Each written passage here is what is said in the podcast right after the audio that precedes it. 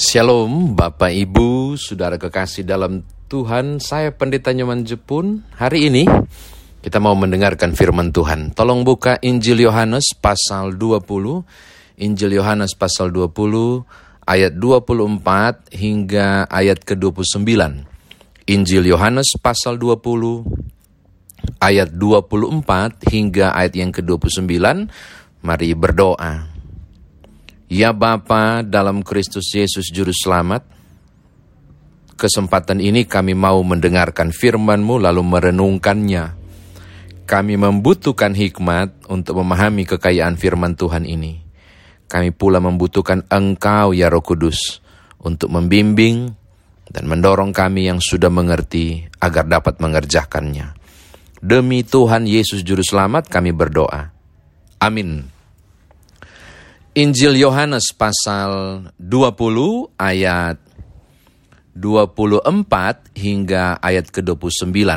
Injil Yohanes pasal 20 ayat 24 hingga ayat yang ke-29 berbunyi demikian. Tetapi Thomas, seorang dari kedua belas murid itu yang disebut Didimus, tidak ada bersama-sama mereka ketika Yesus datang ke situ.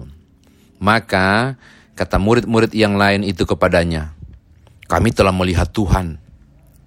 Tetapi Thomas berkata kepada mereka, sebelum aku melihat bekas paku pada tangannya, dan sebelum aku mencucukkan jariku ke dalam bekas paku itu, dan mencucukkan tanganku ke dalam lambungnya, sekali-kali aku tidak akan percaya. Delapan hari kemudian, murid-murid Yesus berada kembali dalam rumah itu, dan Thomas bersama-sama dengan mereka. Sementara pintu-pintu terkunci, Yesus datang dan ia berdiri di tengah-tengah mereka dan berkata, "Damai sejahtera bagi kamu." Kemudian ia berkata kepada Thomas, "Taruhlah jarimu di sini dan lihatlah tanganku. Ulurkanlah tanganmu dan cucukkan ke dalam lambungku.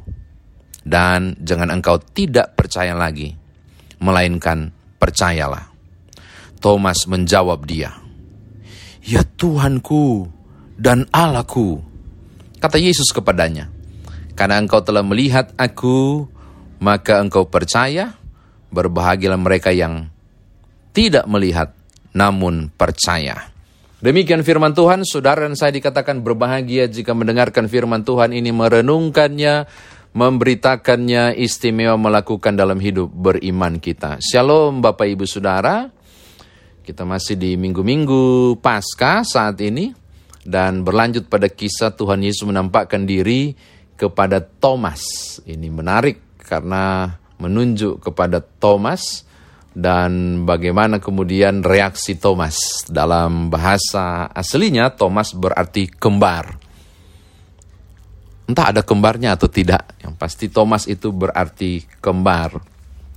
Kisah ini melanjutkan kisah Tuhan Yesus menampakkan diri di rumah yang terkunci, lihat ayat 19 sampai yang ke-23, di situ nggak ada Thomas.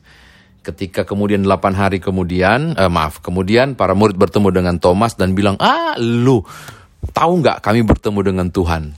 Thomas yang tidak hadir pada peristiwa penampakan itu mengatakan, hmm, ini menarik nih kalimatnya. Sebelum aku melihat bekas paku pada tangannya, dan sebelum aku mencucukkan jariku ke dalam bekas paku itu, dan mencucukkan tanganku ke dalam lambungnya, sekali-kali, perhatikan ya, sekali-kali aku tidak akan percaya. Wah, ini pertanyaan yang menarik Bapak Ibu. Waktu lalu saya sudah katakan bahwa apabila iman saudara bertumpu pada saksi dan bukti, kalau sekedar untuk suatu pembuktian, imanmu bertumpu pada hal tersebut, engkau akan kecewa. Nah, hari ini kita akan bahas lanjut tentang bagaimana hubungannya dengan peristiwa Thomas ini. Bapak Ibu, delapan hari kemudian, betul Tuhan datang. Dan saudara tahu, target Tuhan adalah menemui Thomas. Tidak ada basa-basi. Pas menyampaikan shalom alaihim, Selesai mengucapkan damai sejahtera bagimu, saya suka ini. Eh, langsung to the point. Thomas, coba lihat ayat 27. Langsung. Pokoknya habis salam, langsung nembak. Damai sejahtera bagimu, Thomas. Ngeri Bapak Ibu. Damai sejahtera bagimu. Hmm, Thomas, ya saya sudah lihat kau di sini sekarang. Taruhlah jarimu di sini dan lihatlah tanganku. Ulurkanlah tanganmu dan cucukkanlah ke dalam lambungku dan jangan engkau tidak percaya lagi, melainkan percayalah.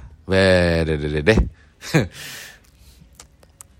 uh, kunjungan ini adalah kunjungan spesial yang Tuhan Yesus targetkan kepada Thomas yang tidak percaya sebelum melihat bukti. Perhatikan ucapannya dia tadi ya. Sekali-kali aku tidak akan percaya sebelum kutusuk, kumasukkan tanganku. Sekali-kali aku tidak percaya. Dan Yesus meresponnya dengan kalimat ini. Sekarang, jangan engkau tidak percaya lagi ya. Melainkan percayalah, tusuk. Hmm, ini tanganku, lihat tanganku. Nah ini lambungku, silakan. Tuh, Bapak Ibu. Langsung to the point. Kena pada sasaran. Dan kemudian mau uh, teks ini mau mengatakan begini Bapak Ibu. Hmm, ada orang menghakimi Thomas ya.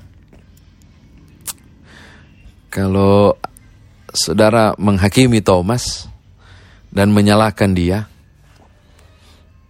dan kalau Tuhan Yesus pun bersifat bersikap seperti itu, maka logika saya mau bilang begini. Andai kata Tuhan Yesus pun menyal, menyalahkan kepongahan Thomas, maka Tuhan Yesus pun akan bilang, ya sudahlah, saya tidak akan nampakkan diri ke dia. Udah, dia kan nggak percaya. Dia nggak percaya. Tapi pertanyaan yang perlu digali adalah, kok bisa ada special time, ada waktu khusus, yang Tuhan siapkan untuk Thomas.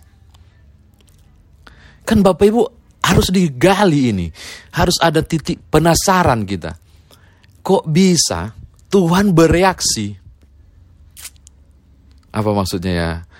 Maaf menggunakan istilah ini. Kayak baperan aja mau ditanggapi nih Thomas. Gak usah lah. Orang gak percaya sudah. Nyeleneh banget sih. Gak usah lah. Di, gak usah ditanggapi. Ah orang yang nyeleneh banget. Enggak Bapak Ibu. Ini bukan soal baperan, bukan soal apa, tapi ada sesuatu. Kenapa Tuhan harus bereaksi spesial pada pernyataan Thomas? Sekali-kali aku tidak akan percaya. Pokoknya sebelum kulihat bukti, sekali-kali aku tidak akan percaya. Dan Tuhan menggunakan waktu itu. Saya menduga satu hal saja Bapak Ibu. Karena Tuhan menghormati, maaf menggunakan kata menghormat ya, ah, menghargai aja deh. Karena Tuhan menghargai, atau lebih tepat, karena Tuhan tahu tipikal Thomas. Iya dong. Ada tipikal seperti Thomas yang perlu diyakinkan dengan bukti. Ya toh? Kalau nggak ngapain Tuhan merespon? Karena Tuhan tahu. Rata-ratanya begitu kayaknya. Thomas ini orang logik banget. Logikanya main cara berpikirnya bermain. Ada tipikal-tipikal manusia seperti itu. Dan Tuhan tahu, orang ini perlu diyakinkan. Karena tipikal khususnya. Yang logis banget. Langsung.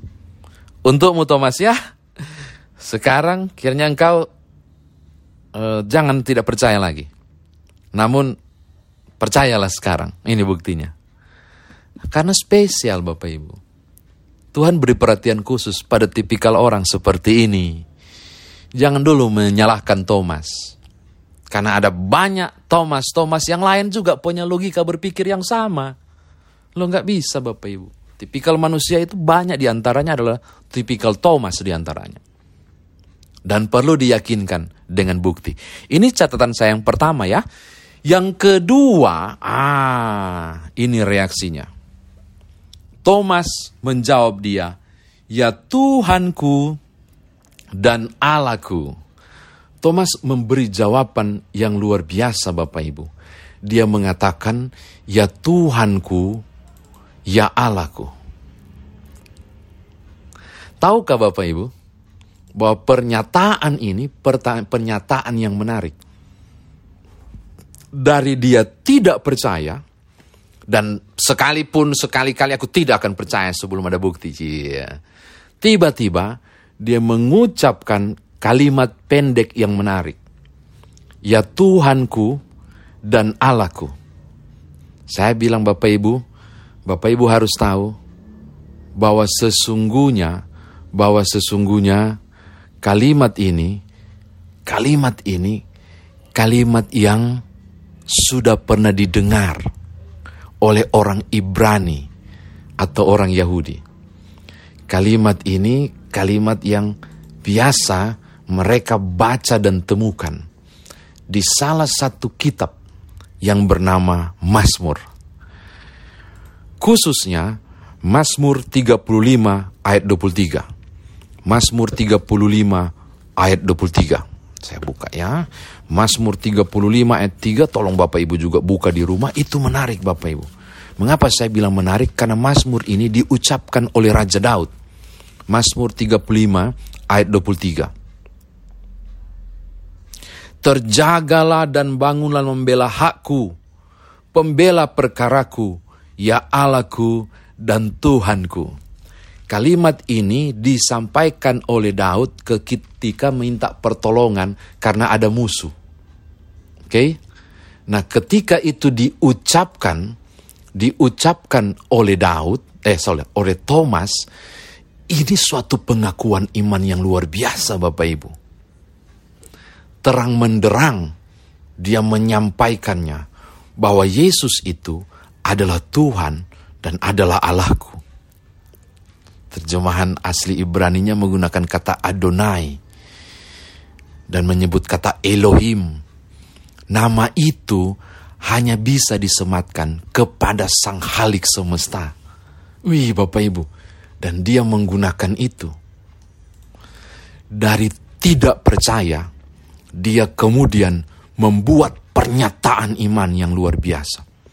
Menunjuk pada Yesus, saya nggak tahu dia menunjuk atau dia menyembah. Dia bilang, ya Tuhanku, ya Allahku. Bapak Ibu, saya bilang ini penting. Sebab ini pernyataan yang disebut dengan pengakuan iman. Dan ini merupakan pengakuan iman terpendek dalam sejarah kekristenan. Kalau saudara pernah mendengar pengakuan iman uh, rasuli, Nisia itu panjang kan? Ada pengakuan iman yang pendek. Pengakuan iman terpendek dalam sejarah kekristenan adalah ucapan yang disampaikan oleh Thomas. Yang tidak percaya, saya ulangi, yang tidak percaya tiba-tiba buat pernyataan iman. Ya Tuhanku dan Allahku mengutip apa yang didoakan oleh Daud ketika dia menunjuk sang halik. Engkaulah pembela perkaraku, ya Tuhanku dan Allahku. Apa maksudnya? Thomas mau tempatkan Yesus Kristus setara.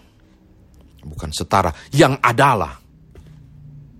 Elohim Adonai. Uh, ini luar biasa. Dan dia menjadi percaya.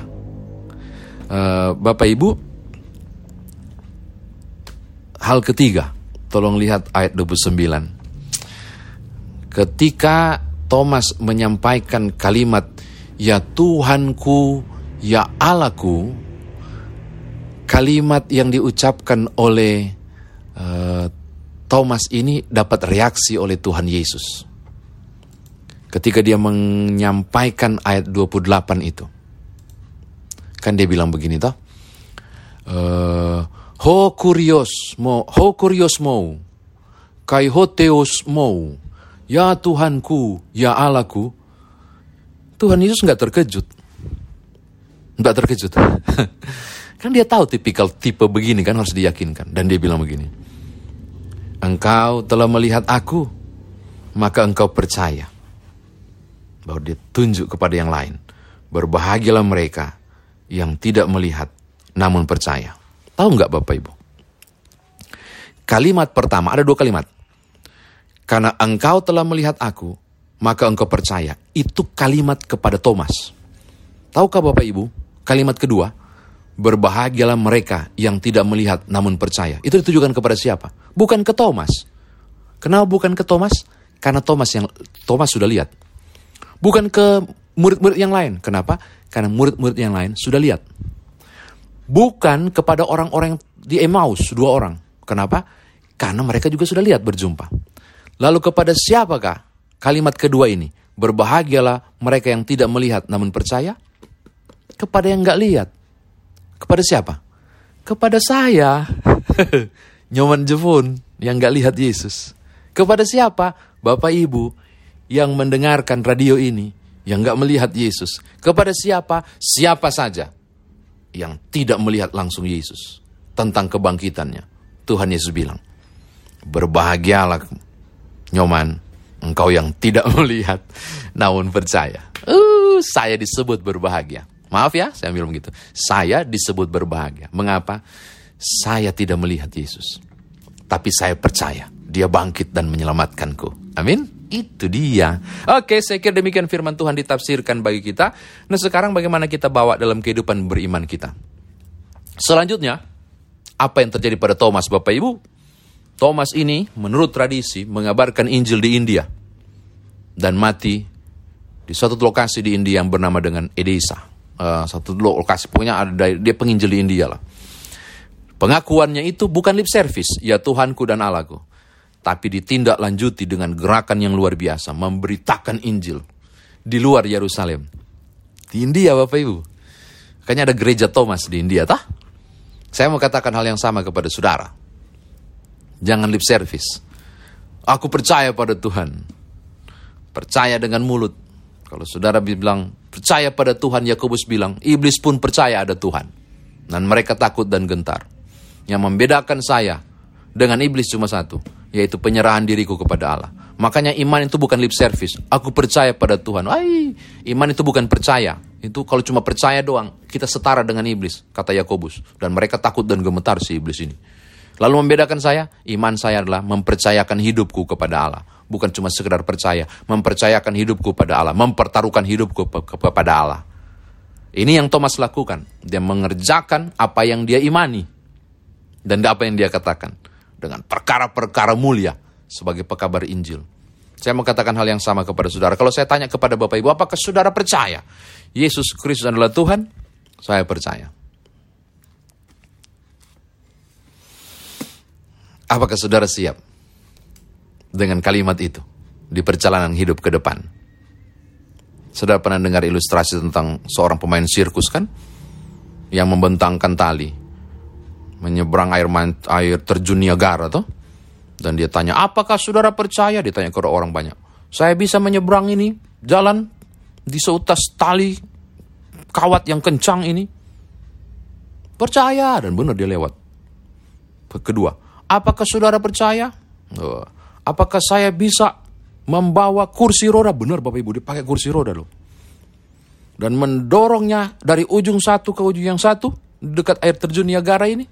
Semua serentak berkata, percaya, percaya. Dan betul, dia lewat. Terakhir dia bilang, apakah engkau percaya bahwa saya bisa membawa kursi roda ini sambil membawa beban satu orang yang duduk di sini dan melewatinya tanpa jatuh berdasarkan poin satu dan dua sudah terbukti, orang tepuk tangan, percaya, percaya, percaya. Wih, luar biasa. Lalu si pemain akrobat ini tanya, kalau begitu, adakah di antara saudara yang bersedia untuk duduk di kursi roda ini? Tolong acungkan tangan. Bapak Ibu, sekejap sunyi senyap. Ada asistennya datang mendekat uh, ibu bersedia? Jangan, saya masih punya anak kecil. Iya. Bapak, oh jangan, jangan, jangan. Aduh, saya masih bekerja. Anak muda mau kah? Oh, saya masih muda, jangan dulu lah. Dan berbagai alasan. Pertanyaan terakhir, adakah yang bersedia? Semua tunduk Bapak Ibu. Tidak ada yang berani. Saya juga nggak berani lah gimana caranya mempertaruhkan ini. Wow, semua sepi. Tiba-tiba ada seorang anak berumur 12 tahun mengacungkan tangan. Iya, Berani banget orang langsung, kira ini anak siapa punya anak ini? Kok bisa dia mau? Wah, wahaya ini. Anak itu dipandu, dibantu diangkat, menaiki tangga dan pengaman. Lalu kemudian dengan ber, sistem yang dibuat dia bisa duduk di kursi roda itu. Bapak Ibu, suasana tegang. Uh, mencekam Bapak Ibu ketika satu langkah mulai maju dan roda kursi roda itu mulai berguling berputar dan anak itu dengan tenang Bapak Ibu tetap duduk. Oh, semua lagi pegang jantung mereka, dada mereka. Wow, menahan nafas. Oh, ngeri. Uh, perlahan, perlahan. Ada titik di mana mulai goyah hampir jatuh. Ah! Sekejap kening lagi. Cukup lama Bapak Ibu keringat dingin semua yang dibawa itu. Tapi puji Tuhan, tiba finish. Selamat orang tepuk tangan. Yes, melompat. Luar biasa, luar biasa. Dan memberikan kata salut yang luar biasa. Menjabat pemain sirkus ini, bahkan menjabat anak ini. Tiba-tiba ada wartawan yang tanya, mewakili pertanyaan para penonton. Siapakah anak ini? Dan kenapa dia mau berani? Ditanya, nak, kok bisa kamu berani? Kok kau berani? Kok kau mau duduk di situ? Anak itu dengan senyum, iyalah saya berani. Loh, kok kau mau duduk di situ? Saya beranilah. Karena yang pemain sirkus itu kan papa saya sendiri. Hah? Kaget semua. Saya mau katakan hal yang sama. Se, se mungkin mungkin kurang kurang kurang nyambung dengan bacaan kita, tapi saya mau katakan hal yang sama. Seorang yang percaya, orang yang berani mempertaruhkan hidup kepada Tuhan dan Thomas melakukannya ini seperti seorang anak yang mempercayakan nyawanya kepada bapaknya di sirkus itu. Ketika saudara berkata, ya Tuhanku dan Allahku, apakah engkau percaya bahwa Yesus juru selamat? Engkau mengamini, ya amin. Saudara jalani kehidupan. Jalani saja. Karena dia juru selamat saudara. Begitu. Harusnya seperti itu. Yang kedua Bapak Ibu, saya mau tutup. Terlalu panjang ya, saya mau tutup. Kalimat terakhir Tuhan Yesus. Berbahagialah mereka yang tidak melihat namun percaya. Ih, ini semangat hari ini Bapak Ibu. Semangat hari ini. Ada pesan firman Tuhan. Mau disampaikan kepada siapa pun yang belum pernah melihat Yesus bangkit. Yang tidak melihat lubang tangannya. Yang tidak pernah mencolok, menusuk lambungnya. Siapakah dia? Saya. Siapakah dia Bapak Ibu yang dengar lagu ini? Eh, eh, firman ini di radio. Siapakah dia Bapak Ibu semua yang barangkali belum belum pernah menusuk, mencolok dan sebagainya. Dan belum pernah menyaksikan kebangkitan Yesus yang luar biasa. Saya mau katakan begini, mengutip pernyataan Tuhan Yesus. Berbahagialah. Iya. Jalani hari ini dengan berbahagia. Mengapa? Karena saudara terkategori yang berbahagia sebab saudara percaya walau tidak melihat. Maka, andai kata ada kerumitan dalam hidup saudara. Ah, ini tantangan kan? Dan saudara mengalami berbagai kesulitan yang luar biasa. Uh, di mana Tuhan? Percayalah saya mau bilang begini. Tangan gaib milik Allah yang tak kelihatan itu sesungguhnya sedang menopang saudara. Kalaupun saudara jatuh, di mana Tuhan? Di saat saya sudah luar biasa bahkan jatuh, saya mau bilang, kalaupun saudara jatuh, ia tidak akan membiarkan saudara terjerembab. Iya, iya, iya. Hari ini berbahagialah, karena firman Tuhan mau ditujukan kepada saudara. Karena engkau melangkah hari ini dengan percaya, Yesus Tuhanku adalah Allahku. Saudara disebut berbahagia. Gampang ya untuk jadi berbahagia ya, imani saja. Jalani saja. Selamat berbahagia. Karena saudara tetap percaya walaupun tidak melihat. Tuhan berkati Bapak Ibu. Haleluya. Amin.